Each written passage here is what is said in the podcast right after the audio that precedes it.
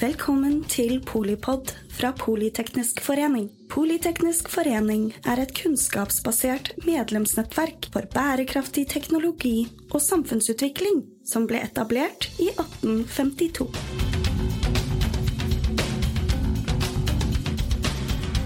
Hei, og velkommen til denne episoden av Morgendagens næringer. I dag skal vi prate om morgendagens mineralnæring. Med oss i dag så er vi heldige å ha med tre av landets ledende eksperter på området. Randi Skirstad Grini, Direktorat for mineralforvaltning med Bergmesteren for Svalbard. Jon Magne Skjelvik, Vista Analyse. Erik Sletner, Norsk bergindustri, også medlem av Politeknisk forening samfunnsøkonomi. Eh, og så er det meg, Rasmus Bøg Holmen, Transportøkonomisk institutt, snart Vista Analyse. Og jeg er da også en del av PF samfunnsøkonomi. Ja.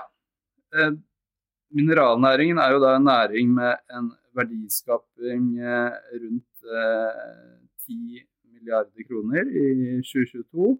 Eh, sysselsetter 4000-5000 personer direkte da, i den Hvis vi avgrenser næringen da, til, eh, til direkte tjenester og utvinning. Det er jo mye utvinning vest, på Vestlandet og i Nord-Norge, særlig Rogaland og Nordland. Hvis man går og ser på disse direkte tilknyttede tjenestene i tillegg, så blir det jo mye mer på Østlandet og rundt omkring i landet. Så kanskje du, Randi, dere, dere utarbeider jo ganske gode tall og statistikk på dette. Kanskje du kunne sagt litt om næringens eh, verdiskapningsbidrag? Ja, vi utvikler noe vi for en publikasjon vi kaller for Harde fakta. Som er en årlig mineralstatistikk eh, for primær produksjon av mineraler i Norge. Eh, det som kanskje er litt viktig å vite når vi snakker om mineralnæringen i Norge, det er jo at det er en næring som er sammensatt av flere ulike eh, mineraltyper. Og ganske spesielt i Norge er at byggeråstoff, altså uttak av pukk og grus, både forvaltes og regnes som en integrert del av norsk mineralnæring. Det er i motsetning til en del andre land. Eh, Samla omsetning, eh, eller salgsverdi, er på eh, nesten 13 milliarder. Det har det vært ganske stabilt over eh, flere år. Eh, men det er litt variasjon i eh, det, hva, hvilke bidragsytere her som er størst. Vi har f.eks. Eh, omtrent 50% av den samla eh, salgsverdien produseres nettopp av byggeråstoff. 20 er eh, knytta til eh, salg av metaller. Og verdt å merke seg er jo at det er snakk om faktisk bare to operative metallgruver i drift. Så det her er betydelig eh, både salgsverdi og, og, veldig stort verdiskapingspotensial, spesielt fra metallisk malmproduksjon. Um, så er jo salgsverdi og verdiskaping er jo litt uh, ulike begreper. Uh, men, og vi har egentlig en litt ulikt hvordan man regner på det. Så på direkte virksomheter som bare produserer mineraler, så er verdiskapingen på ca. 5,6 milliarder. Og som du sa innledningsvis, så er det høyest verdiskapingsbidrag i Nordland og Rogaland. Men samtidig så er det en, en næring som også skaper ganske store ringvirkninger. Eh, totalt 4000-5000 sysselsatte direkte er jo ikke kjempestort volum med, med, arbeidstakere. Men vi har en ganske høy eh, ringvirkningsbidrag fra mineralnæringen. På generelt 1,75% eller 1,75 årsverk genereres, i andre næringer fra den direkte eh, verdiskapingen i mineralnæringen. Og igjen så er det høyest multiplikasjonseffekt for metallisk malm. Det syns jeg var en, eh, en, fin eh, gjennomgang, Randi. Direkte verdiskapning er jo selvfølgelig viktig, men når man snakker om en nærings samfunnsbetydning, så løfter man jo gjerne blikket og ser på den bredere samfunnsbetydningen av næringen. Du var jo litt inne på det med og sånn.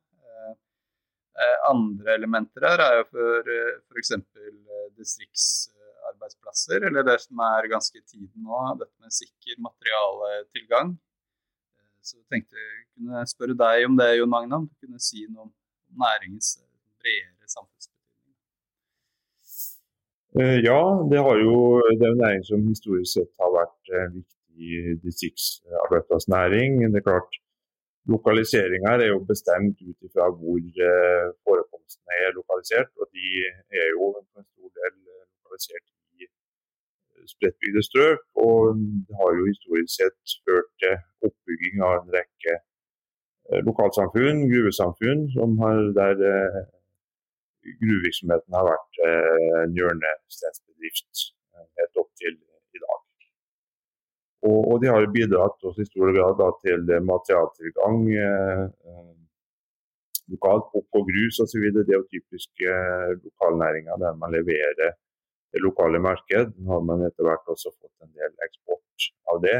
Eh, men eh, det har bidratt til at man har, i Norge i hvert fall er blitt godt forsynt lokalt med, med oppgrus og byggeråstoffer og også andre mineraler. Hvordan dette blir fremover, det er jo interessant. Det kan vi kanskje komme tilbake til etter hvert. Det med distriktsarbeidsplasser, det, det, Man står jo overfor en krevende situasjon. Eh, fremover nå med aldrende befolkning. og det er jo, Vi har jo nesten i Norge alle år hatt eh, full sysselsetting og mangel på arbeidskraft. og, og så Tilgang på arbeidskraft kan bli en viktig eh, utfordring for oss og denne næringen. Lars Erik, nå skal du få komme til. Ja, eh, jeg har lyst til uh, først å, å kommentere videre på, på dette med overgangen til eh, fornybarsamfunnet. Eh, og bare for å ta en del som, var, eh, som ble lansert av regjeringen nå. De satser jo stort på, på havvind, skal gjøre fremover. Og du kan si byggeråstoff. Steinpukkgrus er jo en viktig ingrediens til denne havvindsatsingen som regjeringen skal skal eh, bygge ut eh, etter hvert. Og, og det tilsier jo at vi må være flinke til å sette av kan du si, arealer, eller kommunene må være flinke til å sette arealer som, eh, som da inneholder tilstrekkelig mengde og kvalitet for type sånne satsinger. Og det åpner også for muligheter for å, å ta ut uh, mineraler som, som, da kan inngå som en ingrediens i, i disse vindturbinene også. Så, så stabil og tilstrekkelig materialtilgang mineraltilgang er blitt viktigere nå når vi ser krigen i Ukraina, vi ser eh, Kinas eh, alenegang. Og, eh, og, alt dette tilsier at vi, eh, når EU tar grep i forhold til å, å få på plass en råvareforordning og USA lanserer en gedigen subsidiepakke, Inflation Reduction Act, at Norge også må følge etter og søke internasjonalt arbeid, samarbeid. Og, og, Derfor så blir det også viktig at, uh, at Norge henger på. og Norsk veiindustri har jo store forhåpninger til at vi i en kommende mineralstrategi kan adressere hvordan Norge kan utvikle denne næringen videre. Fint, eh, Lars Erik. Eh, du skal få kommentere på samfunnsbetydningen du har, Randi. Men jeg tenkte også å ta oss videre til, disse, eh, til neste punkt, da, som er litt om bransjen og aktørbildet og sånn. Vi har jo da, Du nevnte jo disse bransjene, de største. da, Byggeråstoff, metalliske malmer, industrimalmer. Og så har vi også naturstein og det som da er på vei ut, energimineraler slash kull. Og her er det jo litt sånn uh, svingninger. Prisene driver jo mye. Uh, og uh, eksporten er jo, etter hva jeg kan se av deres statistikk, rundt halvparten av salget med stor, en del forskjeller. Byggeråstoff f.eks. er jo mye mindre andel av eksporten enn det er av så kanskje du kunne sagt litt mer om denne utviklingen i bransjen, men gjerne om samfunnsbetydningen. Ja, altså Jeg tror jo eh, Lars Erik dro jo de store linjene her som er ganske vesentlige. Og vi ser jo den her helt klare eh, trenden internasjonalt nå. Man har faktisk fått en helt eh, annen Det ene er jo at vi har en helt annen verdenssituasjon. Eh, og man har blitt eh, meget bevisst eh, betydningen av mineraler vi har jo vært avhengig av mineraler. Mennesket har vært avhengig av mineraler til all tid. Og vi kommer til å være avhengig av mineraler videre framover til all tid. Og så er det sånn at vi kommer til å forbruke litt ulike typer mineraler framover. Og noen vet vi. Eh, vi har fått EUs eh, e liste over eh, kritiske mineraler. Vi har strategiske mineraler. Og disse, hva som er kritisk og strategisk, vil komme til å forandre seg litt utover eh, etter hvert som verdenssamfunnet utvikles. Eh, det vet vi ikke helt nødvendigvis hva vi kommer til å trenge mest av, men vi vet at vi kommer til å trenge mineraler. Og vi vet også at vi ikke har produsert nok mineraler allerede til at vi kan eh, gjenvinne og resirkulere de mineralene vi trenger. Så vi er helt avhengig av å fortsette å produsere eh, primærmineral. Men så er det da Eh, hvor vi skal gjøre det, det er selvfølgelig der hvor mineralene er.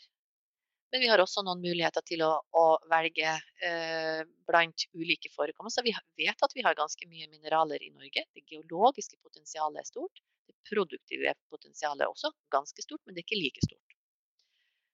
Det jeg tror er viktig, særlig også når vi vet at vi har eh, stor mangel på arbeidskraft i Norge, og det kommer til å bli enda mer krevende så er det jo faktisk ganske interessant at eh, særlig produksjon av metallisk malm, som ofte er knytta til enten strategisk eller eh, kritiske eh, mineralressurser, så har vi også en veldig, veldig høy produktivitet. Og det er ganske interessant for Norge.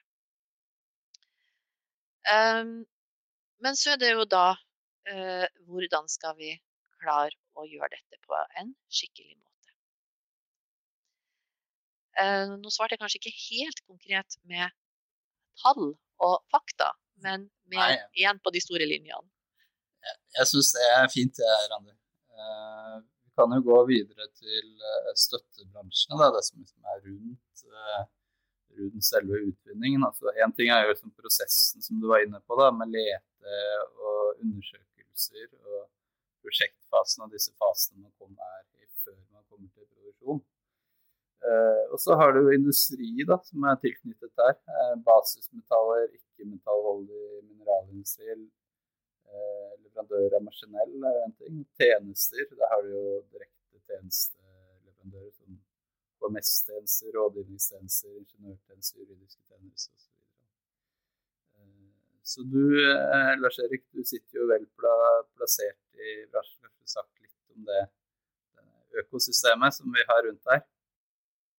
Ja, altså i forhold til eh, det du nevnte der, så, så er jo både altså, eh, disse bransjene, både malm, mineral, eh, byggeråstoff og for så vidt naturstein, som vi ikke har vært inne på, men som også er en del av, av bergindustrien, de er jo avhengig av gode tjenesteleverandører rundt seg. og det er jo spesielt innenfor hva skal man si, rådgivning, ingeniørselskaper innenfor plan eh, og ingeniørfag, økonomi, teknologi og miljøvitenskap, hvor man på en måte har eh, behov for, for støttetjenester. Og der har jo Norge et, eh, et rikt miljø allerede, kan du si, å støtte seg til. Og i tillegg så er det jo også blitt mer fokus kan du si, ute både i,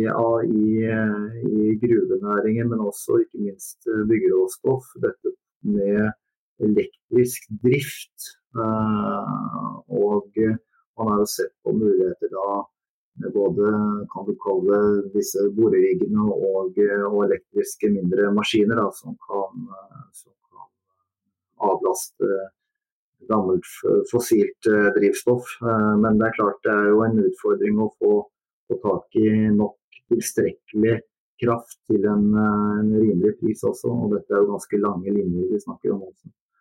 Så, men, men, det er mange viktige aktører, støttebransjer, rundt, rundt denne næringen. Det er fint, Lars Erik. Du skal få si noe om næringen også, men jeg tenker vi også skal gå videre. Så da eh, vil jeg samtidig ta opp dette med trender. Da, da starter vi på det som går på etterspørsel og internasjonalisering. Eh, du har jo da ulike markedsplasser for mineraler, relativt lav produksjon i Europa i forhold til vårt forbruk. Eh, sårbarhet og bærekraft i forbindelse med er jo miljøutslipp eh, forbundet med klimautslipp forbundet med transport. Eh, det er jo ting som eh, påvirker verdikjedene internasjonalt. Og grønne skifte og transportbehov der. Så Jon Magne, hva tenker du om dette? Har Norge ansvar for å bidra? Og hvordan er det med prissvingninger her? Eh, ja, jeg syns absolutt at Norge har et ansvar, og de burde kanskje ta et større ansvar enn det vi har gjort så langt, i hvert fall.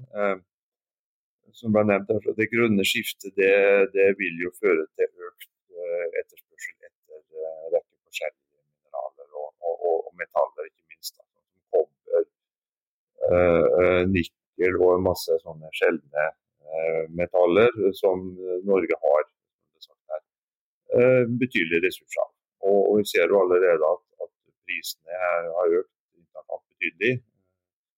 De svinger riktignok en del eh, over tid, eh, men trenden har vært klart.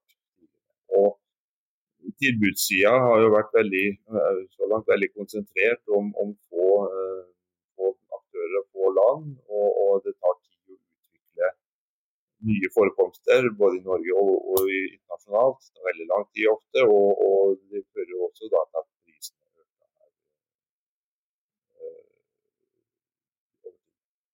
Samtidig så vet vi også at det, det er betydelige utfordringer her knytta til miljø, lokale utslipp eh, og forhold til urbefolkning osv.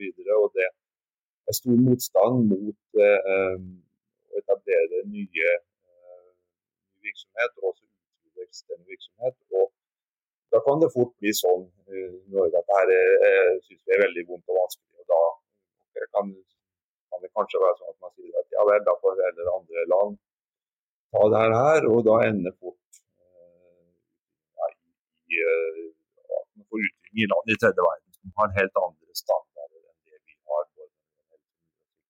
og, og forhold til. Så, så en ambisjon for Norge det kunne være at man vi skal ta vårt ansvar, ta vår, utvinne det vi kan på våre ressurser, og kanskje bli verdensledere her på, på, på bærekraftig eh, høye standarder både for miljø og helsesikkerhet og også for befolkningen. Eh, det, det vil være krevende, eh, en krevende strategi. Vi ser at vi har eh, utfordringer på, på mange av de enkelte forekomstene som man prøver å sette i gang. Men, men det kunne være en, en, en, ambisjon å ha for Norge på litt lengre sikt. Ja, nei, fint. Vi skal komme tilbake til dette med bærekraft og miljøet og påvirkning på urbefolkning og transport og eh, de tingene. da. Eh, hvis jeg ser, eh, går tilbake til den delen som går på etterspørsel og internalisering for øvrig, Randi, har du noe, du vil si på det? Altså det vi, vi registrerer jo at eh, altså det, det, er jo egentlig en ganske klar makrotrend nå at myndigheter over hele verden er i ferd med å ta grep nettopp med eh, CRMA som EU eh, har lansert som lovforslag. Eh, USAs IRA. så det, altså det, at vi har en såpass stor økt bevissthet fra myndighetssida Jeg registrerer jo også at næringen også tar ansvar nettopp inn mot den den bærekraftsdelen er helt sentralt for å få nettopp den nødvendige samfunnsaksepten. Eh, så det er en eh, ganske markant bevegelse for at vi skal kunne ha mer selvforsyning og bedre forsyning i, i, eh, i Europa, i USA, eh, og at det skal være bærekraftige mineraler. Takk for det, Randi. Ja, da kan vi jo gå videre til det som, som knytter seg til omstillingsprosesser. Dette er også knyttet til hvilke ressursforekomster som kommer opp. Da. Så der er det noen funn på noen få, men viktige funn på sjeldne jordmetaller. Eh, det kan jo bli nye utvinningsfelt i distriktene, kanskje. Så har vi dette med eh, havmineraler. Da. Eh, avvikling av kull, eh, vidring, vridning fra metall til ikke-metallholdige produkter er jo andre nøkkelord. Sirkulær omstilling har vi allerede vært inne på. Eh, så Lars Erik, du brenner kanskje inne på noe med dette med etterspørsel og internasjonalisering òg. Men du kan, jo, du kan, jo, ta begge deler, da. Ja, takk for det, Rasmus. Du, jeg tenkte litt på å følge litt opp det, det, sporet som Rande var inne på. Dette med at uh, næringen tar grep i forhold til bærekraftsarbeidet. Bare for å nevne det først. Uh, fordi at Eh, næringen i Norge nå styrker bærekraftsarbeidet og tar i bruk et rapporteringsprogram eller verktøy, kall det gjerne det, som heter Towards Sustainable Mining. Og Det er altså bergindustriens forpliktelse til ansvarlig drift av virksomhetene. Eh, og Det er altså et verktøy da med en rekke indikatorer som skal bedre ytelse og sikre at viktige elementer blir eh, håndtert på en ansvarlig måte. og det, det, dreier seg rett og slett om å engasjere seg i lokalsamfunn, drive best mulig miljøpraksis. Eh, forplikte seg på sikkerhet og helse og kontinuerlig forbedring. og dette er et, eh, et, verktøy som nå tas i bruk i, i, større deler av verden, og vi ser frem til å implementere dette også i, i Norge. Vi er i gang allerede med prøverapportering, og vi får økonomisk støtte også av regjeringen her hjemme. Så det syns vi er veldig, veldig spennende. Når det gjelder eh, internasjonalt og etterspørsel, så er det klart at eh, Norge sitter jo potensielt på en stor og viktig forekomst på rundt sjeldne jordartsmetaller, altså Fensfeltet, som har vært omtalt flere ganger. Og sjeldne jordartsmetaller det er altså en et samlebegrep for 17 grunnstoffer som inngår i moderne grønne teknologier. Type permanentmagneter eller supermagneter som, som, inngår i ulik teknologi. Og det inngår i elbilmotorer, det inngår i turbiner osv. Eh, Norge har eh, potensielt Europas, sitter potensielt på Europas største forekomst der. Og Det er jo en interessant eh, bit som også, som også EU er, eh, er, opptatt av. Nå er det riktignok eh, fortsatt noe tid til man eventuelt kan identifisere om det er, er mulig da, å, å, utvinne denne forekomsten. Så det gjenstår en del prøveboringer og undersøkelser her, men, men det er så langt veldig, veldig lovende. Og, og, EU er, vet vi er veldig interessert også i det, og ikke minst fordi at Kina i dag sitter på veldig store rettigheter her. Og, eh, og dette representerer typisk en forsyningsrisiko, hvis man da skal se litt på, på forsyningssikkerhet eh, fremover for Norge, Norge, og EU. Så Det er vel i hvert fall sånn innledningsvis, eh, Rasmus, viktig å understreke at det er, det er en spennende forekomst. Du skal få, få, kommentere på dette du også, Jon Magne, men jeg tenkte også å dra oss videre. og da har vi jo eh, Neste punkt på agendaen er dette med teknologi og produksjonsressursene. Da. Altså det er jo dette med nye eh, lete- og produksjonsteknologier. Det er jo ganske modne teknologier i stor grad, eh, som jeg forstår det. Det er nye mineraler, og så har du jo hav, eh, havnæringen. Eh, andre nøkkelelementer her. Vi har vært inne på dette med kompetanse i distriktene. Det eh, er jo en utfordring. Eh, eierskap er et nøkkelord, med internasjonalisering i den forbindelse. Eh, og så påvirker jo på ressurssiden selvfølgelig høye energipriser da, for tunge kjøretøy og maskiner som produksjonskostnadene. Så Jon Magne, du må gjerne si noe om dette. Også noe om dette med disse stoppene rundt omkring i Sør-Varanger og på Alsund Rana gruver. Liksom startes opp. Ja, altså vi har jo ikke fått fram noe, noe større ny virksomhet her når det gjelder malmer de senere årene. Man har prøvd seg litt på å øke eller sette i gang virksomhet på, på gamle forekomster. Og, og uh, det, det, det, som er sagt her, det, det finnes jo potensielt betydelige ressurser her, men utfordringa er jo å, uh, å få bl.a. kartlagt de, få kartlagt og det tar jo lang tid, det, det vet man. både fra Norge internasjonalt. Og Eh, det kan være en rekke hinder for å komme i gang med, med, med virksomhet man har en, en Mye av det skyldes vel kanskje at, at de her industrielle miljøene man hadde, har hatt i Norge, de har forvitra litt. Det har vært nedbygging over lang tid, og man har få norske virksomheter igjen som, som uh, spisskompetanse på, på uh, på mer bergverksdrift. Eh, og, og det vil nok være nødvendig å få inn utenlandsk eh, kompetanse her, fra kanskje andre nordiske land. Det har vært inne tidligere. Og, og, eh, jeg tror nok at det er nødvendig å få inn mer av det skal man få i gang ny virksomhet. Så er det jo spennende det som måtte ligge på havbunnen her, da, men det ligger jo nok litt lenger fram i tid, men, men, der er det jo betydelige ressurser som ligger. og Kanskje kan man etter hvert her nytte å lære av noe fra petroleumssektoren. Etter hvert vil jo den bli bygd ned i Norge hvis man eh, skal følge opp eh, klimamål osv.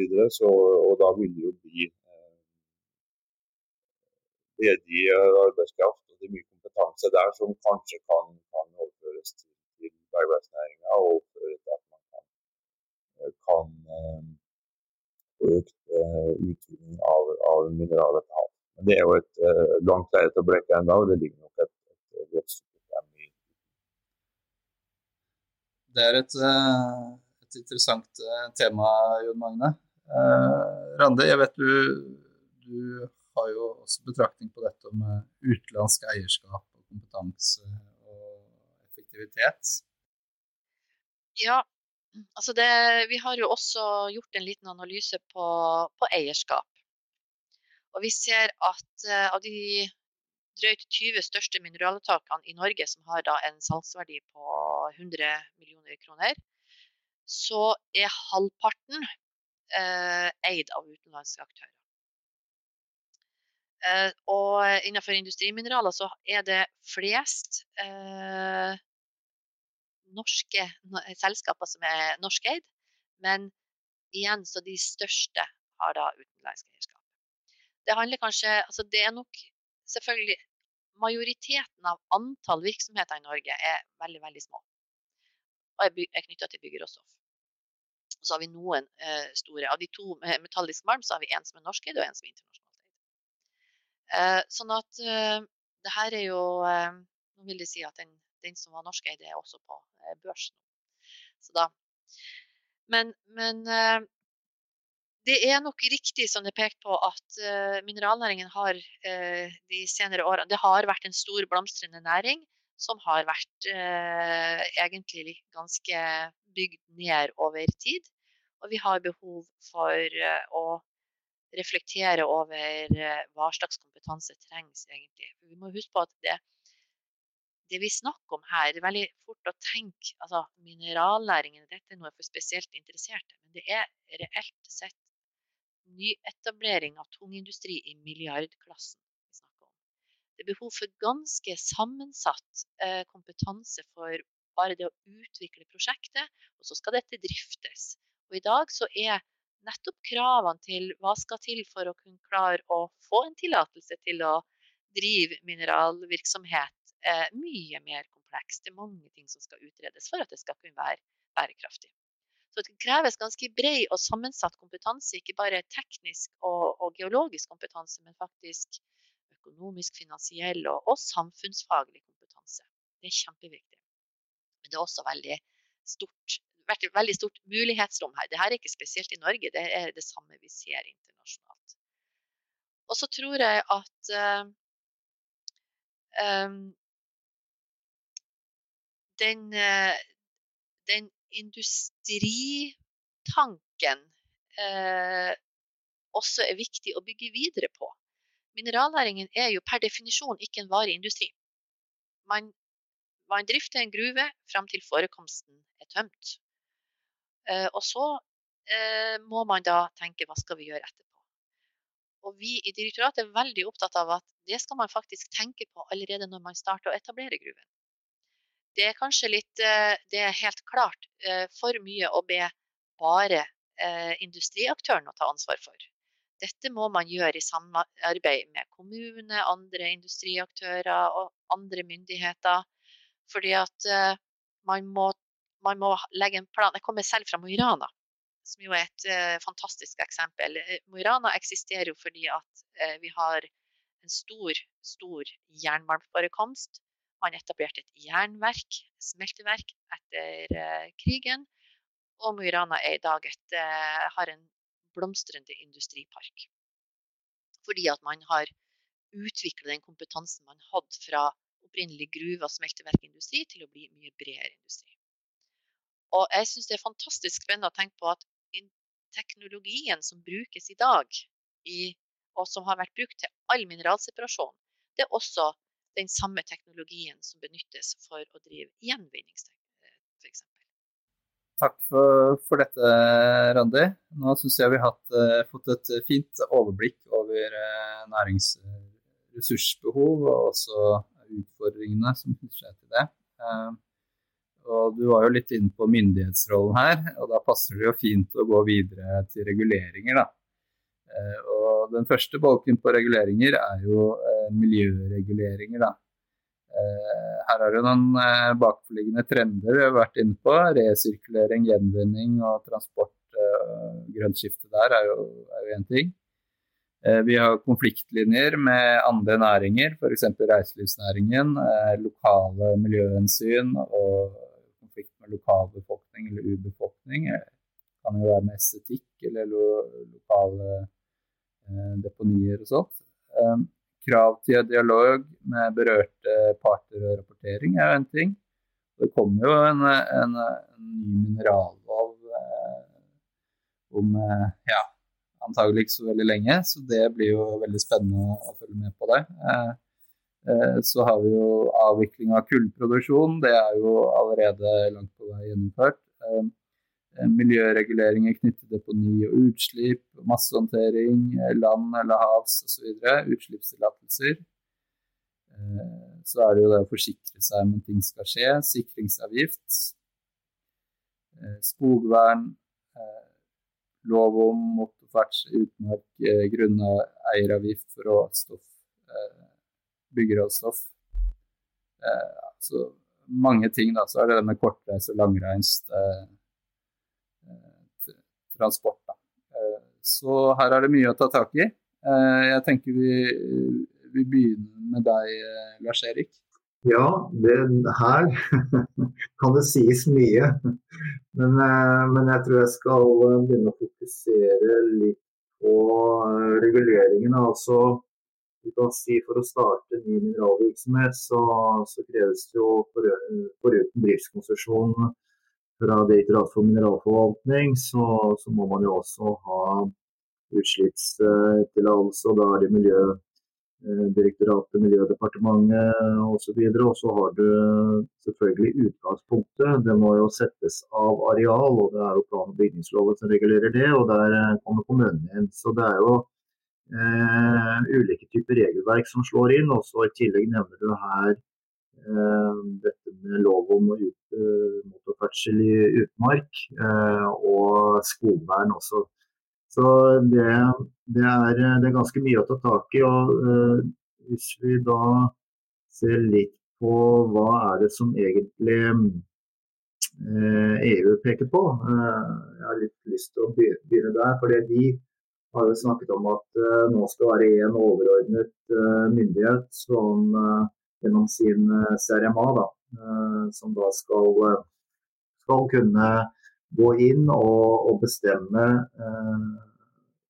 hvilke strategiske og, eh, og, kritiske prosjekter som skal eh, benyttes. Og eh, igjen, i regjeringens kommende mineralstrategi så har allerede varslet at vi får et hurtigspor på kritiske mineraler. og Antagelig er det da Direktoratet for mineralforvaltning som, som, da skal administrere dette. Eh, og Det er noe vi eh, mineralnæringen ser, ser, positivt på, selvfølgelig. At man på en måte samkjører og samordner eh, prosesser i mye større grad eh, enn tidligere. Men i tillegg til å samkjøre og samordne prosesser mellom ulike regelverk, så må de også kortes ned. Og EU har jo tatt uh, grep her og sier at, uh, at uh, for nye utvinningsprosjekter så skal det ikke gå mer enn 24 måneder. Det er meget ambisiøst for øvrig, men eh, vi får, vi får se hva, hva, hva, som er mulig. Men det, det er litt viktig at uh, hvis man skal da, hvis Direktoratet for mineralforvaltning da skal få en slik rolle med uh, å behandle hurtigspor, så, så, må de også få kompetanse og ressurser. Uh, I tillegg til nødvendige Eh, endringer i, i regelverk. Og, og, det er ikke gjort over natten. Altså. Så, så, så det, det, det, er viktig å presisere at eh, det må foregå raskt. Men det må, det, må bygges opp en kompetanse her også, så, som de må få på plass. Ny minerallov er nok ikke på plass antagelig før i 25, så det blir litt interessant å se eh, hvordan da eh, de vil Eh, hvordan norske regjeringen da vil respondere på Critical Raw Materials Act f.eks. For eksempel, i forhold til eh, deres ambisjoner.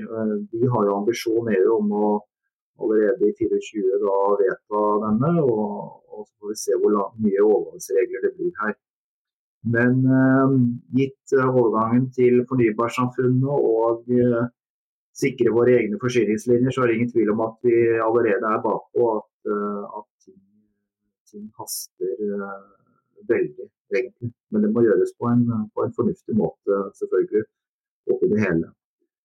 Så vi får, vi får, følge med. Det får, det får være, være utgangspunktet. Jeg har bare lyst til å nevne også dette med havbunnsmineraler. For det, eh, vi, vi synes, altså Vårt fokus, eh, Norsk Bergindustris fokus er jo på land. Og, og vi, der har vi kartlagt en del ressurser allerede. og det er der vi ønsker at prosessene skal uh, få fortgang. Og det er, og det på en måte landressursene kjenner best.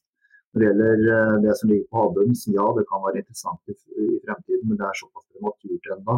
Og det må også gjøres noen mer miljømessige vurderinger før man på en måte kommer opp og, og gjør storstilte satsinger der, tenker vi. Så, men um, fokus på land, og så får vi, får vi se nå hva, hva tiden blir. Da skal du få ordet, Jon Magne, så tar vi Randi etter. Ja, eh, som den ble nevnt der, så er det her med konsesjonsbehandling og alle tillatelsene har blitt utrolig komplekst og omfattende. Og, og man må forholde seg til masse forskjellige lover. og det, det er parallelle prosesser som går her, og som da ting tar veldig lang tid og blir veldig, veldig tungt. Her har vi i Norge betydelig eh, rom for forbedringer. Eh, vi har også en tendens til å ha alle de her omkampene. Det er en ting at man følger regelverket og alle får uttalelser osv., men det er en tendens til at det blir stadig omkamp burde være vedtatt. Så her, her burde man kunne kutte betydelig ned på saksbehandlingstid eh, og, og eh, alle kravene til dokumentasjon som måtte til dels overlappende med ulike myndigheter. Eh, og det er å håpe at kanskje EU og det grønne skiftet og, og, og behovet for, for det kan, kan, kan vi da gi det her en, en, en, boost. Da. Jeg er ikke så veldig optimistisk. Og I mineralnæringa og innenfor andre områder, på for transport, eh, energiutbygging osv., at ting bare blir, uh, blir verre og verre. At det tar lengre og lengre tid. Så, så vi får inderlig håpe at, at, at, det går an å snu denne trenden. At man kan, kan få uh, konsesjonsprosessen til å, å, gå mye raskere enn den har gjort. Ja. Um, aller først må jeg bare benytte anledningen til å eh, klare litt opp i eh, begrepsbruk og misforståelser. Eh, for som Lars Erik påpekte, så er det masse tillatelser i tillegg til konsesjonsprosessen. Vi tildeler driftskonsesjon. Det bruker vi noen måneder på. Men den samlede tillatelsesprosessen har vært 10-15 år i de tre Eh, store prosjektene som vi har hatt i Norge. Vi har tildelt over 1000 driftskonsesjoner de siste ti årene. De siste sju årene, egentlig. Det tar noen måneder. Selv på de virkelig store prosjektene så tar det noe, kanskje halvannet år. Når en søknad er ferdig og komplett. Men det er helt riktig, det er mange ulike tillatelser som skal på plass. Det er ikke spesielt i Norge. Gjennomsnittlig eh, i eh, Europa, i verden, så er det en 15-17 år for å starte altså tillatelsesprosessen. Og det tror jeg alle er enige om at det tar for lang tid.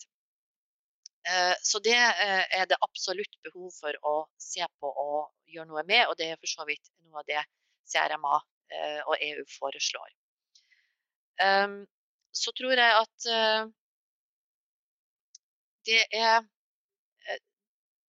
Det er faktisk allerede mange muligheter de forslagene knytta til de strategiske prosjektene gjennom EU og CRMA med to års eh, samla behandlingstid, det vil selvfølgelig være kjempekrevende. Det vil kreve ressurser. Det vil være, som Lars Erik peker på, kreve både kompetanse og ressurser. Det vil kreve noen formelle virkemidler også.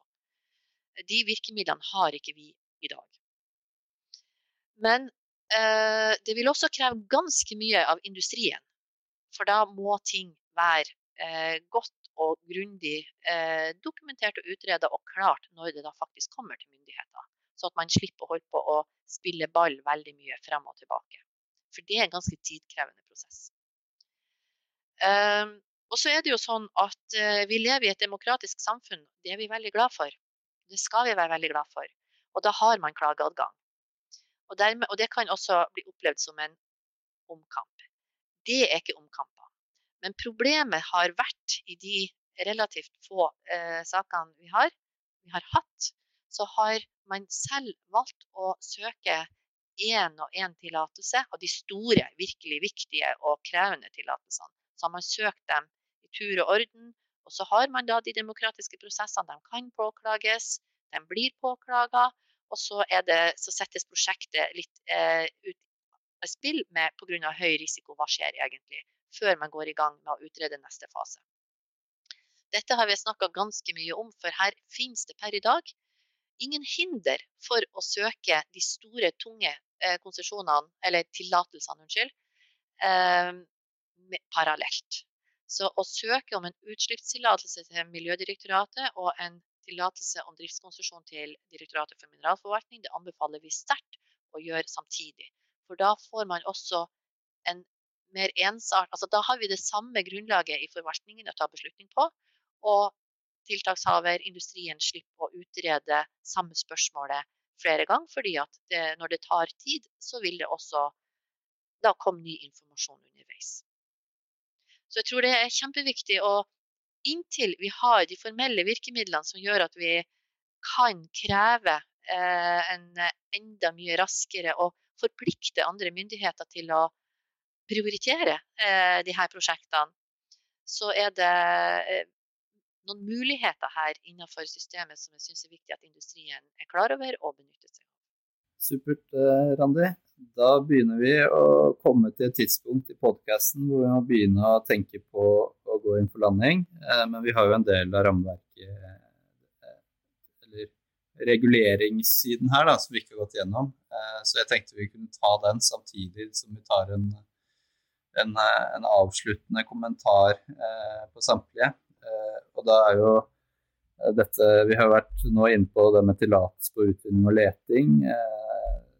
og involvering av kommuner, lokale osv. Så og den overgangen til leting til produksjon, da. Eh, så er det jo andre forhold i skatt- og avgiftsnivå og sånn. Eh, relativt lavt, sies det. Så har du det som går på støtteordninger og infrastruktur. Investinor, Enova, Nysnø, Grønn plattform, NFR, APN-ordning, Innovasjon Norge osv. Stimulering til leting i ulike deler av prosessen her? Er det en sånn dødens dal som, eh, som eh, selskapene må gjennom? Er det, er det behov for risikoavlastning? Eh, statlig eierskap, er det, det nå? Noen hevder det. Direktoratet for mineralforvaltningen har jo sine økonomiske rammer er det andre distriktspolitiske og sikkerhetspolitiske tilskudd som er her. Eh, Norge ligger jo litt bak sine nordiske naboer på letefronten. I, Finland har man et eh, statlig leteselskap. Og eh, hvordan er rollen til Norges, Norges geologiske undersøkelser? Så er det infrastruktursiden av IKT er kanskje ikke det viktigste, men det er havner, strømnett og veier. Så det, det var en, eh, en oppsummering av, av, det som gjenstår. Da. Så da tenker vi tar en, en, runde på det. Og hvis du kan starte med deg, eh, Jon Magne. Så må du i tillegg til dette på andre reguleringer gjerne komme med noen overordnede betraktninger som du vil eh, få frem til slutt. Ja. ja, det er omfattende temaer du reiser. Men man bør kanskje begynne med å, å prøve identifisere hva er barrierene her. for Hvorfor har man ikke kommet uh, lenger enn man har? Og, og, det kan være mange grunner til det. En kan være om man har tilstrekkelig gode forekomster. Man kan si ikke for vanskelig eller kostbare å, å, å utvinne og drive. og de store og, og konsentrerte nå. Annen ting har man at man har en, en eh, god forekomst. Har man eh, å laget gode driftsplaner og, og gode, en, god mulighet for utvinning her som kan, som kan, gi lønnsom drift, har man de rette folka, kompetente folka til å drive, eh, til å drive virksomheten og, og, og skape lønnsomhet. Og er det også da ikke minst gode prisutsikter, Nå har man de riktige, riktige på på markedssida og osv. som gjør at dette kan bli, bli drivverdig. Og så er det dette med, med at man har ikke for store konflikter knytta til virksomheten. At det, det, er løsbare konflikter i forhold til miljø og urbefolkning osv. Der, der ser vi at det, det, er veldig krevende. og Det gjelder ikke bare i Norge, det gjelder uh, egentlig over hele verden. Uh, og det er kanskje en av de viktigste eh, barrierene her. Og, og, det er også kanskje den vanskeligste å, eh, å løse. Veldig fint, eh, Jon Magne. Da tar vi Randi. Jeg vet jo at du er opptatt av et samspill mellom myndighet og utvinner og annen industri. og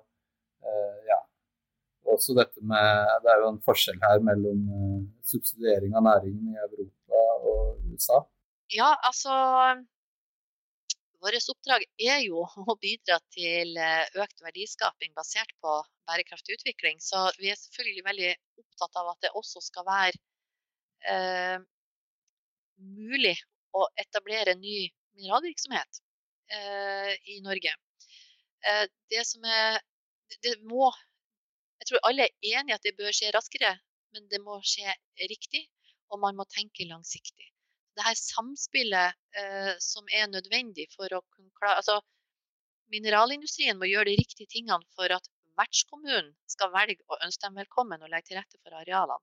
Det er jo, det, det er jo her egentlig slaget om ja eller nei til gruvedrift faktisk står. Eh, og så er det jo da å gjøre dette riktig, eh, som eh, Jon Magne eh, pekte på. Det er mange faktorer her som gjør at man skal kunne klare å drive økonomisk over tid. Eh, og så skal man ha denne planen for ettertiden. Eh, og det her det, det tror jeg nettopp jeg kan klare å, å utvikle de her industriparkene, parkene industrietablering lenger enn enn den forekomsten som man har, som kanskje var i 20 år. Det tror jeg er veldig eh, viktig. Utfordrende å kunne klare å løse miljøproblemene, men jeg er helt sikker på at her er det også noen store teknologiske muligheter som er interessant når vi nå begynner å få mye større bevissthet rundt behovet for å faktisk produsere mineralene også i Europa. Lars Erik? Ja, takk for det, Rasmus. Uh, mye bra av de foregående talerne som er satt der. Jeg har lyst til å bare påpeke litt, uh, litt med denne miljøsiden. Uh, fordi at Jeg nevnte jo at, at bergindustrien tar i bruk et, et rapporteringsverktøy, World Sustainable Mining, som bl.a. peker på at man må ha god dialog både naboer, og naboer kan jo være mye. Det kan både være urfolk, det kan være kommuner, det kan være annen eh, industri, privatpersoner eh, osv. Eh, og det må man selvfølgelig Det jeg tror er, er tidlig, tidlig, dialog, god konsultasjon og mye informasjon. Tilstrekkelig. Og jeg må si det gjøres veldig mye bra i dag, bare så det er understreket. Det som nok næringen også etterspør, det er at når man har eh, hva skal man si, såkalte konsultasjonsprosesser, eh, det være seg da med urfolk eh, eller andre, at det settes, settes forpliktende tidsfrister for alle involverte parter, slik at ikke alt slik at man ikke kan trenere eller ting kan, kan gå ut i uendelig tid. Uh, og Så kan man jo gjerne diskutere hvor mange omkamper man skal ha, men, uh, og det er et ømtålig tema som du var inne på dette, Randi, i forhold til hvor eh, dette med demokrati og nedfelte rettigheter osv. Men det er klart man på et eller annet tidspunkt må man til vår mening da sette en eh, begrensning på hvor lenge man kan holde på eh, med disse omkampene. Eh, det som jeg tror er viktig, og som denne kommende også antagelig kommer til å si noe om, det er litt sånn alternative bruksområder for avgangsmassene, som jo er Eh, utfordring for eh, mineralindustrien. Og Det som vi er litt opptatt av, det er at man må finne alternative bruksområder som gir nye muligheter for å ta i bruk overskuddsmasser som gir både miljømessig, men også kommersielle verdier for, eh, for samfunnet. Og Her tror jeg det kan forskes uh, mye mer. Samfunnet er jo endring. Det er sirkularitet som gjelder, og, og, vi må få til en mer bærekraftig bruk av, av ressursene. Og der håper jeg selvfølgelig også at ny teknologi vil bidra til det. Men jeg, vi må tørre å se på nye bruksområder for, for uh, overskuddsmasser. Jeg håper at eh, mineralstrategien adresserer noen prosjekter, prosjektmidler som vi kan, uh, kan se litt på sammen med eh, industri utover i, i verdikjeden. Det, det, det, blir viktig. for det at dette er ikke lønnsomt i dag heller for de som må deponere store masser på, på egne områder. Så, så det, det, tror jeg blir, blir bra. Eh, så jeg har lyst til å bare eh, adressere dette rundt eh, kapital. Og dette henger sammen med lange linjer. altså eh, Tidligere så har vi jo adressert statlig risikoavlastning som en mulighet. Eh, og mer konkret så handler det om at eh, for å hjelpe i gang oljeindustrien i sin spede barndom, så hadde man jo eh, så var jo staten sterkt inne også i forhold til eh, såkalte leterefusjonsordninger som nå har blitt bygget om og rundt. Men det er klart at som Rande var inne på, det tar kanskje 15-20 år fra du begynner leting til du på en måte er i drift. Eh, og de lange linjene med politisk risiko, omkamper, eh, utfordringer underveis krever at, mener vi, krever at, eh, at staten trår til med risikoavlastning. Og da har vi sagt at Norge kan vurdere eh, prosjekter, eh, fond, selskap à la fin, det Finland har gjort, nemlig Finnish Minerals Group.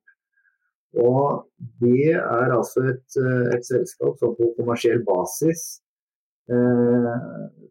satser på å maksimere verdien av finske mineraler. Og de går altså inn i gruve- og batteriselskapene i Finland og tilbyr aktiv kapital på, på kommersiell basis. Og jobber bredt da i hele verdikjeden. Så vi må, vi må i hvert fall tenke verdikjede, syns jeg, fra, fra mineraluttak og inn bretta da til prosessering.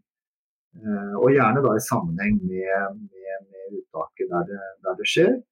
Eh, og så, så, tror vi som sagt at får man statlig risikokapital på plass, så vil det også bidra til å utløse lettere privat kapital. Tusen takk for det, Lars Erik.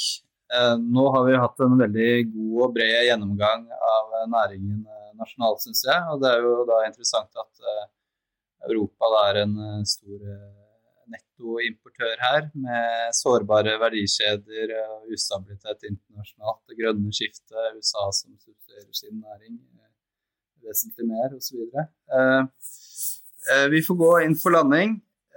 Tusen takk for at dere har hørt på morgendagens mineralnæring. Også takk til våre deltakere, Randi Kirstad Grini i Direktorat for mineralforvaltning, Eh, Jon Magne Skjelvik, Vista Analyse.